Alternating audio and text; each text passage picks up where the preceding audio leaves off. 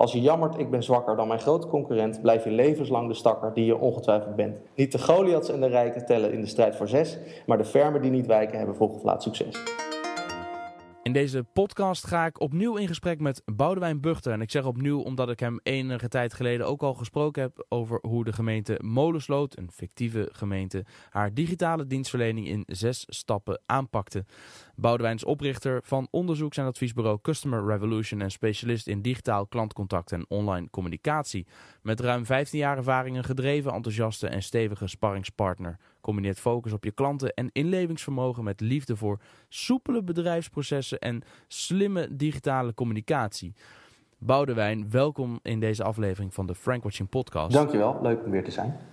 Ja, vind ik ook. Fijn dat je er weer bent. Want vandaag gaan we het hebben over succes met toptaken. Werk hard, kies prioriteer en durf vooral ook nee te zeggen. Dat is een artikel dat je hebt geschreven en we hebben het hierover omdat je het in ons vorige gesprek over de digitale dienstverlening uh, verbeteren in zes stappen Mhm. als gemeente al een paar keer het woord toptaken aanhaalde. Ja. En toen zei ik, hé, daar heb je ook een artikel over geschreven. Laten we het dan daar ook nog eens een keer over Ja. hebben. En vandaag is de dag. Ja, nou hartstikke goed. Ik heb overigens al eh, sinds eh, 2007 of zo regelmatig over dit onderwerp geschreven. Maar eh, eh, dit is het meest eh, recente en eerlijk gezegd ook wel het meest uitgebreide artikel. eh. Dat is gewoon het beste. Ja, nou, mag, je, dat- mag je rustig ja, zeggen. wie weet. ja. Toptaken, Boudewijn. Laten we daar eens mee beginnen. Wat zijn toptaken? Eh, en wat moet je ermee? Toptaken gaat uit van het idee dat er eh, in elke online omgeving, of dat nou een website of een intranet of een extranet of wat dan ook is, eh, eigenlijk maar een heel beperkte set aan eh, onderwerpen, functionaliteiten, noem het maar taken, dat noemen we dus taken, hè, wat komt iemand doen, is waar mensen echt voor komen. Hè. Van al die dingen die je kunt doen, eh, zien we steeds in onderzoeken dat eh, er een, setje van, eh, nou zeg 5% van alles wat je aanbiedt, voor ruim een kwart van de bezoekers de aanleiding is om, om ook daadwerkelijk te komen. Dat is een, methodiek die bedacht is door de Ierse meneer Jerry McGovern. Het gaat over het concept dat in elke online omgeving, of dat nou een website of een intranet of een extranet, wat dan ook is, eh, er een, een zeer beperkte set aan, aan onderwerpen, informatie, taken, eh, functionaliteiten. Nou, wij noemen dat dus taken, hè, datgene wat iemand echt kon doen, een taak uitvoeren. Eh, dat dat dus een beperkte set van die taken is waar mensen echt voor komen. Dus van alles wat je aanbiedt, dat daar, dat zien wij uit onderzoek, een soort vuistregel, 5% daarvan is voor ruim 25% van de bezoekers de aanleiding om te komen. Dus eigenlijk is er maar een, een, een, een, een, klein stukje waar je echt veel tijd en energie aan zou moeten besteden. En door onderzoek te doen achterhaal je wat je klanten eh, dus echt belangrijk vinden, dus die toptaken, en waar je dus ook de meeste energie aan kunt, eh, kunt besteden. En waarom je daarmee zou moeten werken, is eh, omdat ik vind en ik geloof dat je klanten gemakkelijke, begrijpelijke, gebruiksvriendelijke, toegankelijke dienstverlening verdienen. En ze zijn immers je bestaansrecht. En ik vind dat bedrijven en overheden het leven van hun klanten makkelijker moeten maken. Ja, je zegt zelfs de overheden. je schrijft in je artikel, de klanten van de overheid hebben er zelfs recht op. Ja, eh, zeker. Want ik kan niet kiezen voor een overheidsorganisatie om, eh, om klant te zijn, terwijl ik dat daar vaak toch wel ben. Ik snap dat er in overheidsland is er heel veel discussie over of je überhaupt het woord klant moet gebruiken. Maar goed, dat, dat wil ik dan maar even overslaan. Eh, of je nou klant bent of burger die iets moet regelen. Ik vind dat de overheid het voor mij dan altijd makkelijk en toegankelijk en begrijpelijk, et cetera, moet maken. Omdat ik geen keuze heb. Oké. Dat is een, ik vond het vrij, vrij stellig, hebben er zelfs recht op. Ja. Maar be- begrijp het nu enigszins. Ja, nou kijk, eh, omdat je voor sommige dingen gewoon echt eh, eh, afhankelijk ook bent, vind ik dat je als overheid wat meer moeite moet doen. Zeker als het gaat over toegankelijkheid en zo. Ik, ik hoorde laatst iemand zeggen van, ja, waarom zou je, als je bijvoorbeeld niet aan de webrichtlijnen wil houden, waarom zou je bewust 25% van de bevolking die last heeft van enige vorm van beperking met... eh, waarom zou je die uitsluiten? Nou, daar zit een hele, dat vind ik een hele sterke en eh, logische Ja. reden om eh, dat, wat mijn, mijn stelling onderbouwt. Ja, maar daarbij zeg je ook, met toptaken boek je geen instant succes. Nee. Oh, dus ik voel al een bak werk aankomen. Zeker, zeker. Hoe gaat dat? Ja, Want je zegt het is een mindset onder andere. ja kijk, het gaat erom dat je eh, prioriteiten stelt. Hè? Dus je moet scherp durven kiezen op basis van inzicht in, eh, in waar je klanten echt, eh, echt eh, voor komen, wat ze echt belangrijk vinden. Ehm, maar dat betekent dus ook dat je een aantal dingen niet moet doen. Ehm, hè, kiezen is altijd ook iets anders niet kiezen. Ehm, dus nee durven zeggen, ook tegen je organisatie. Je weet nu al dat er een hoop mensen in je organisatie gaan piepen als je bepaalde dingen niet meer aandacht gaat geven of minder aandacht gaat geven. Het is een mindset omdat het vraagt van je om, om nou ik schreef in het artikel, echt, echt, echt klantgericht te zijn. En je moet dat durven. Je moet echt, echt, echt voor je klant gaan staan. En, en niet alleen maar in, in, in woorden. dat betekent dus ook dat je je verantwoordelijk voelt voor het resultaat van het proces dat je klant doorloopt. En niet alleen voor al die individuele stappen die die heeft. Het gaat dus over alle kanalen en niet over alleen online. En het gaat niet alleen over de voorkant, maar ook over de organisatie erachter. Misschien zelfs wel vooral over de organisatie erachter. Ja, want je zegt dat je moet de organisatie wel begeleiden en klaarstomen. Wat moet je dan bijvoorbeeld doen? Nou, zorgen dat uh, je organisatie uh, uh, op de hoogte is van wat dan die klanten echt willen. maar ook dat ze in staat zijn om met jou te vinden ehm, dat datgene wat klanten belangrijker vinden, dat we daar de meeste tijd, geld en capaciteit aan besteden. natuurlijk zijn er ook eigen doelen die willen halen. Hè. Dus het is niet zo zwart-wit dat je altijd maar alles moet doen wat je klant wil. Ehm, want dan, ja, soms dan werkt dat gewoon helemaal niet. Maar uh, in principe, het Pareto-principe geldt hier wat mij betreft toch ook wel. Hè? Als er 20% eh, van je, van, je, van je aanbod, uh, als het al zoveel is, voor 80% van de, van de mensen het, het belangrijkste ja. reden is, nou, besteed dan ook. Dan weet je wel waar je toptaken precies, liggen. Precies. Ja, oké. Nou, je hebt het over rollen en verantwoordelijkheden. Je hebt over een, een, in die artikel een voorbeeld van hoe een toptaak managementorganisatie eruit kan zien. Mhm. Ik wil iedereen die luistert en daar benieuwd naar is, uitnodigen om vooral naar frankwatching.com te surfen en daar even te zoeken in het zoekvenster rechtsbovenin naar toptaken. Dan vind je ongetwijfeld het meest recente artikel van Boudewijn Buchter. Uh, waar ik wel vooral benieuwd naar ben ook, is wat zijn dan de verschillen met een huidige situatie ten opzichte van een organisatie of een situatie waarin je werkt met toptaken? Nou, wat ik veel zie is dat uh, er wordt natuurlijk op allerlei KPI's en dat soort dingen al gemanaged. Zo'n toptaakteam gaat gezamenlijk managen op basis van klantfeedback. En uh, nou wordt er heel vaak wel onderzoek gedaan en, en wordt er heel vaak eh, gevraagd aan klanten: wat vinden we nou, hoe tevreden zijn we nou? Maar er wordt heel weinig echt op gestuurd. Um, nou, dat toptaakteam uh, dat bestaat uit vertegenwoordigers van allebei klantproces betrokken spelers in de organisatie. En die zijn gezamenlijk verantwoordelijk voor de performance van de organisatie op dat klantproces. En ze, ze managen dat alleen niet op basis van wat ze als organisatie aan te bieden hebben, maar op basis van de feedback van die klanten. En dat is echt een, een, een ander, andere manier van, uh, om ernaar te kijken. Hè. Dus we werken op basis van actieve feedback loop, om het maar eens lelijk te verwoorden, uh, van klantervaring. Hè. Monitoren, verbeterpunten identificeren, verbeteringen doorvoeren en opnieuw monitoren en meten. En welk voorbeeld kun je noemen van zo'n klantbelevings-KPI? Eh, nou, bijvoorbeeld uh, de mate van gemak die mensen ervaren. dit meet je met, zo'n, met de Customer Effort Score. Daar hebben we het in mijn vorige podcast hebben we daar ook al even over gehad. Ehm, de vraag is dan, hè, hoe, hoe, hoe, gemakkelijk vond u het om dit en dit bij ons te regelen? Ehm, en daar geven mensen dan een score op.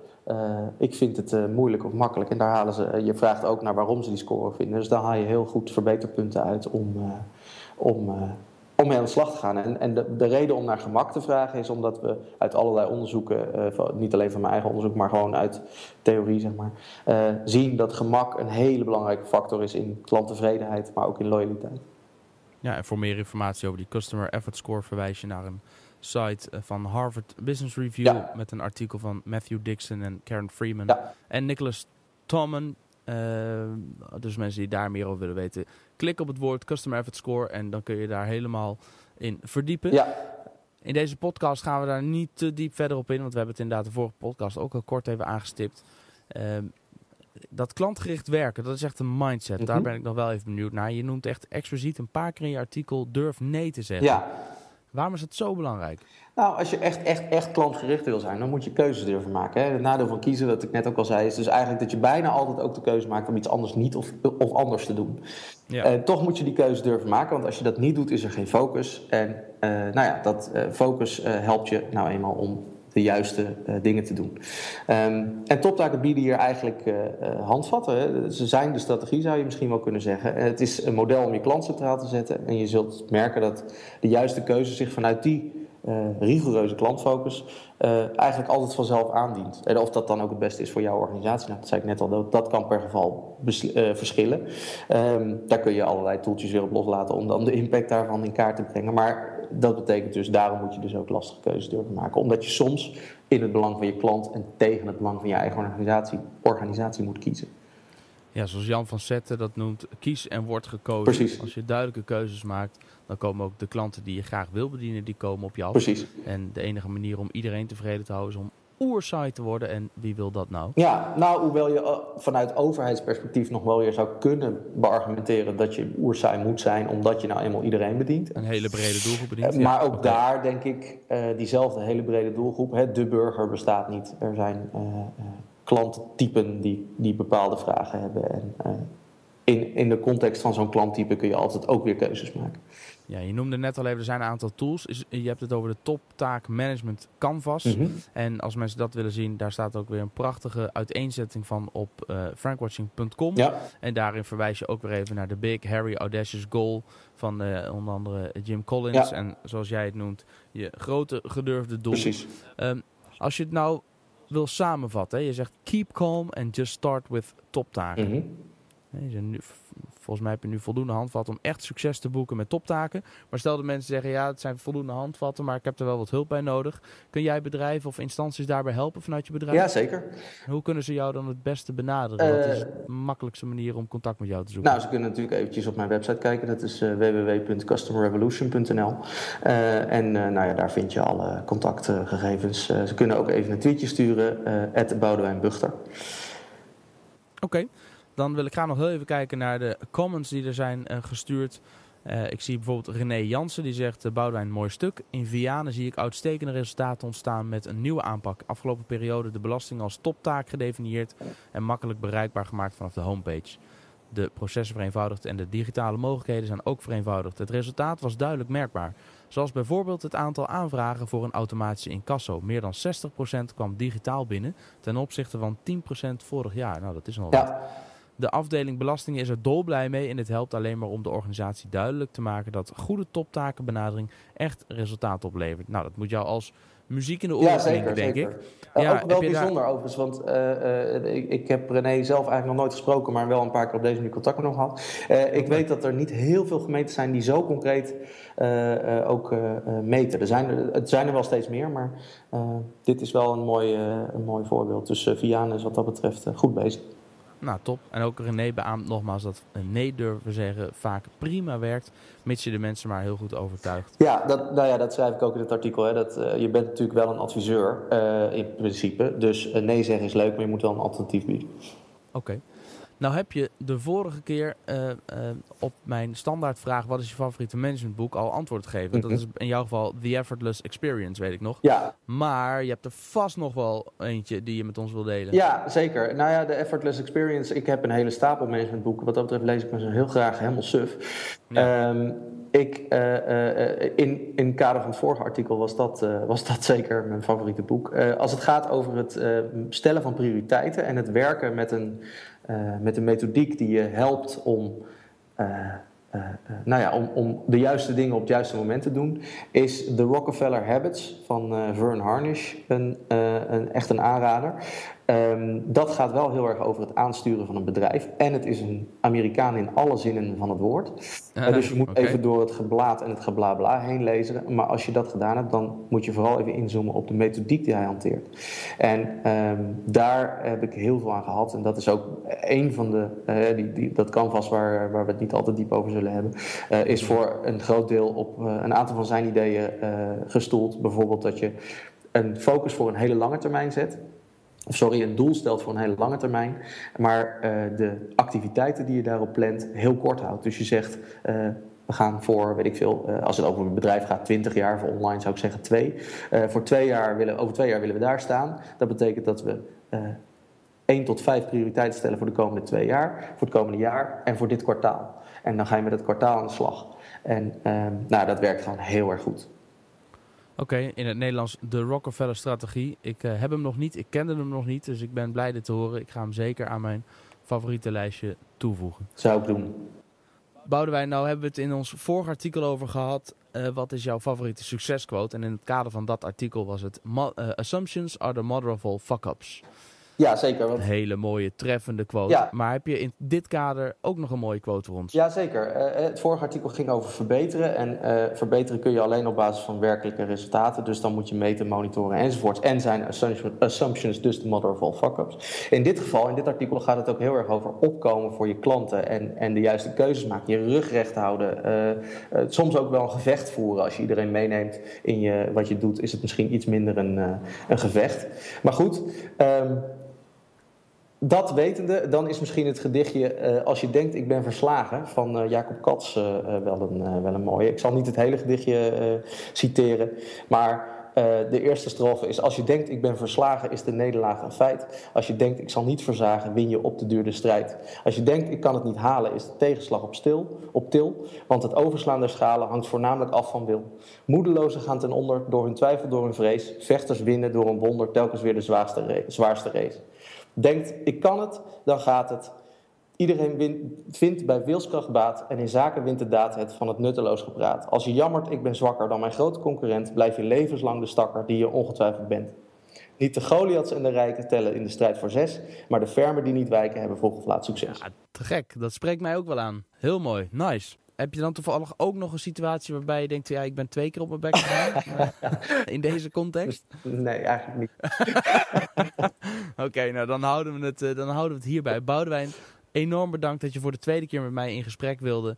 Uh, dit keer over het onderwerp uh, toptaken. En dan vooral succes met toptaken. Werk hard, kies, prioriteer en durf nee te zeggen. En hiermee zijn we alweer aan het einde gekomen van deze podcast-aflevering. Vergeet niet om je te abonneren en vooral ook niet om een review achter te laten op iTunes om kans te maken op een van de 10 gesigneerde exemplaren van het boek Brand Expedition van Martijn Arets. Meepraten over en reageren op deze en andere podcasts kan door te tweeten naar @frankwatching. Ik ben Jelle Drijver. Wil je reageren of heb je vragen, dan kan je mij ook bereiken via de mail op info.jelledrijver.nl en via Twitter op @jelledrijver. Voor nu, dankjewel voor het luisteren en tot de volgende podcast.